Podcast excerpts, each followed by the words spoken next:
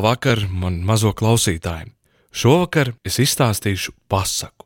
Pasaku trīs vēja mezgli.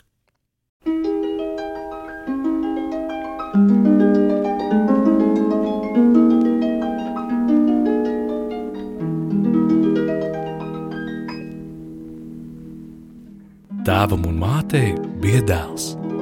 Jau labi paudzies, bet par daudz liels nebēdnieks.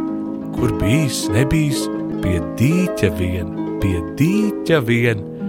Gan māte noteica, gan tēvs nopēra, bet nekas nelīdzēja. Tikai puika kaut ko dabūjis rokā, vai tā būtu karote, cepure, pastalas, visu pa roku galam ūdenī iekšā, lai peld. Beigu beigās tēvs un māte nolēma, ka būšot laikam veltas pūles, nevarēšot visu puika no ūdens atradināt, lai tad mācoties par jūrnieku. Tēvs izlaida pa pasauli ziņu, kam meklējot savam dēlam skolotāju.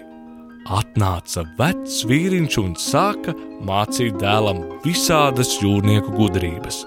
Par cik puikam prāts vien uz to tiecās, tad viņš itin viegli paturēja galvā visu, ko vecais vīrs mācīja. Pēc neilga laika vecais vīriņš saka tēvam, ka dēls jau esot pilnīgi izmācīts par jūrnieku.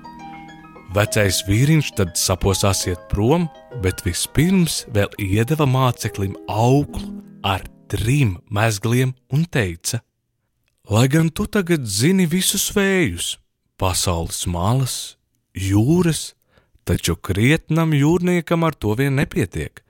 Kad nepūš vējš vai plosās vētra, tad viņam tik un tā mierīgu prātu jānogaida, kamēr sacelsies vējš vai sanikt no tā jūra stās trakot, tāpēc tev te būs aukla ar trīs mezgliem.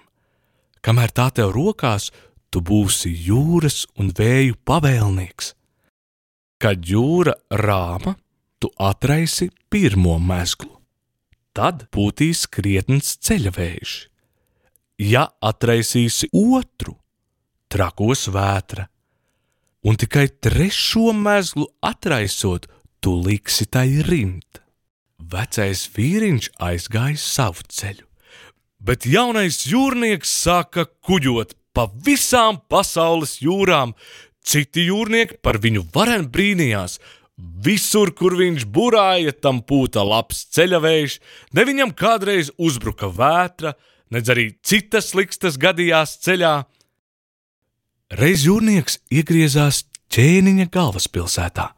Daudzi kuģi stāvēja ostā gatavi iziet, bet tiklīdz mūsu kapteinis iebrauca un atraisīja visus mezglus, viss gaiss kļuva rāms jūrā ne ūdens lāsīs nepakustējās, un uz sauszemes ne apses lapiņa nenodrebēja. Kuģiem, gribot, negribot, bija jāpaliek ostā. Nogulēja vienu dienu, otru, bet vējš kā neceļas, tā neceļas.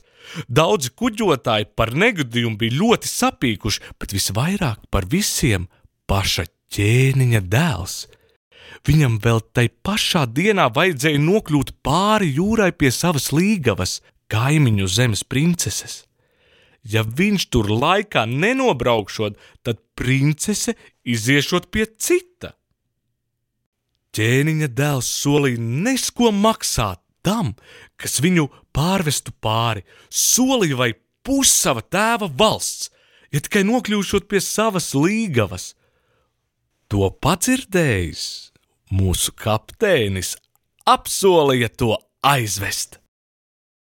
Princis priecīgs iekāpa kuģī, mūsu kapteinis atraisīja pirmo mezglu, sacēlās varens ceļavējš, un kuģis kā kaiva aizšāvās pāri jūru prom.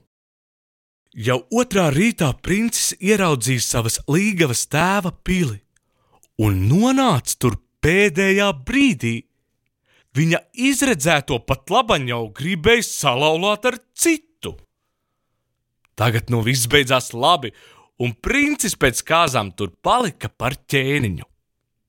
Mūsu kapteinis dziedādams kuģoja atpakaļ uz savu nopelnīto pusi valsts. Es izbraucu jūriņai, ar ziemeli spēlēties. Ziemelim bija baltas putas man, jo baltas zēģelīts. Bet braukdams, sāka domāt, kā man to valsti vajag? Kas man kaiš savā kuģī? Lai viņš patur pats savu valsti bet apskatīties gan apskatīšos, kā ļaudis tur dzīvo. Jaunais jūrnieks nobrauca pie vecā ķēniņa un izstāstīja arī tam savu nodomu, ka negribot ņemt pusi valsts par prinča aizvešanu, jo tik jauka dzīve nevarot būt nevienam ķēniņam kā šim savā kuģī. Tad vecais ķēniņš uzaicināja nesautīgo jūrnieku vismaz kādu laiciņu paciemoties viņa pilī. Kapteinis bija ar mieru. Sākumā gan tik uz dažām dienām, bet jau pēc pirmās maltītes nemaz vairs negribēja braukt prom. Vecajam ķēniņam bija skaista meita, un tā jūrniekam ļoti patika. Bet tad kādā dienā princei atbrauca precinieki. Tuvējās salas valdnieks, kurš bija ļoti ļauns, tos bija sūtījis bet princese bija ieskatījusi mūsu varonīgo kapteini un preciniekiem atteica. Tie nelikās visai aizvainoti, tikai lūdza veco ķēniņu, lai atļaujot viņiem pilī pārnakšņot, jo naktī jūrā ir bīstami iziet. Vecais ķēniņš labprāt atļāva, un vakariņās precinieks vēl krietni pacienāja bet otrā rītā tos pilī vairs neatrada. Viņi bija aizbēguši un nozaguši arī princesi. Vecais ķēniņš bēdās galīgi nosirmoja. Viņš skaidri zināja, ka no salas valdnieka nagiem nekad vairs savu meitu atpakaļ nedabūs. Salai visapkārt ir augsti kalni un ūdenī daudz slepenu klinšu, tāpēc nezinātājs pie salas nemaz nevarēja ar kuģi piebraukt bet mūsu kapteinis nezaudēja dušu. Viņš pierunāja savus ļaudis braukt tam līdzi un grieza stūri taisni uz salas pusi. Tikko mūsu kapteiņa kuģis tojās salai, tūdaļ salinieku kuģi uzvilka buras un nāca visi pretī. Bet kapteinis vēl salgā pavēlēja saviem kuģa ļaudīm izmest ankurus un tiklīdz ienaidnieku kuģi bija piebraukuši tuvu slepenajām klintīm un zemūdens aizām, viņš atraisīja abus divus pirmos mezglus. Acu mirklī sacēlās briesmīga vētra. Brāzās viļņi, šļakstījās bangas, ienaidnieku kuģiem krakšķēja masti, ļaudis vaimanāja. Arī mūsu kapteiņa kuģis Jūrā pie ankuras svaidījās šurp un turp kā riekstu čaumala. Pēc brīža kapteinis atraisīja trešo mezglu. Un visapkārt klusums. Viļņi norima, bija redzami tikai sadauzīti kuģu vraki, jūras klajumā izmētātu buru atliekas, Dzīvi bija palikuši tikai negantais salas valdnieks un nozagtā princese. Mūsu kapteinis tūdaļ devās ar saviem ļaudīm malā, atņēma valdniekam princesi un brauca laimīgi mājās.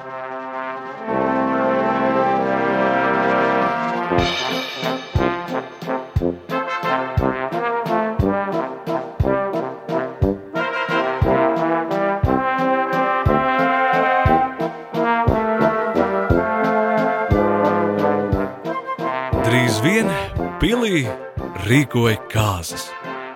Mūsu kapteinis un princese precējās.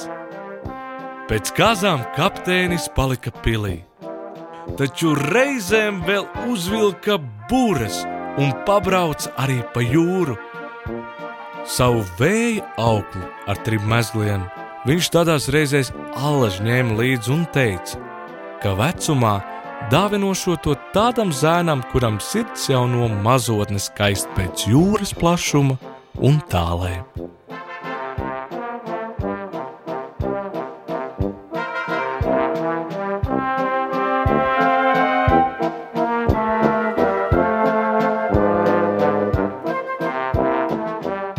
Ar labu nakti, mans mazais draugs.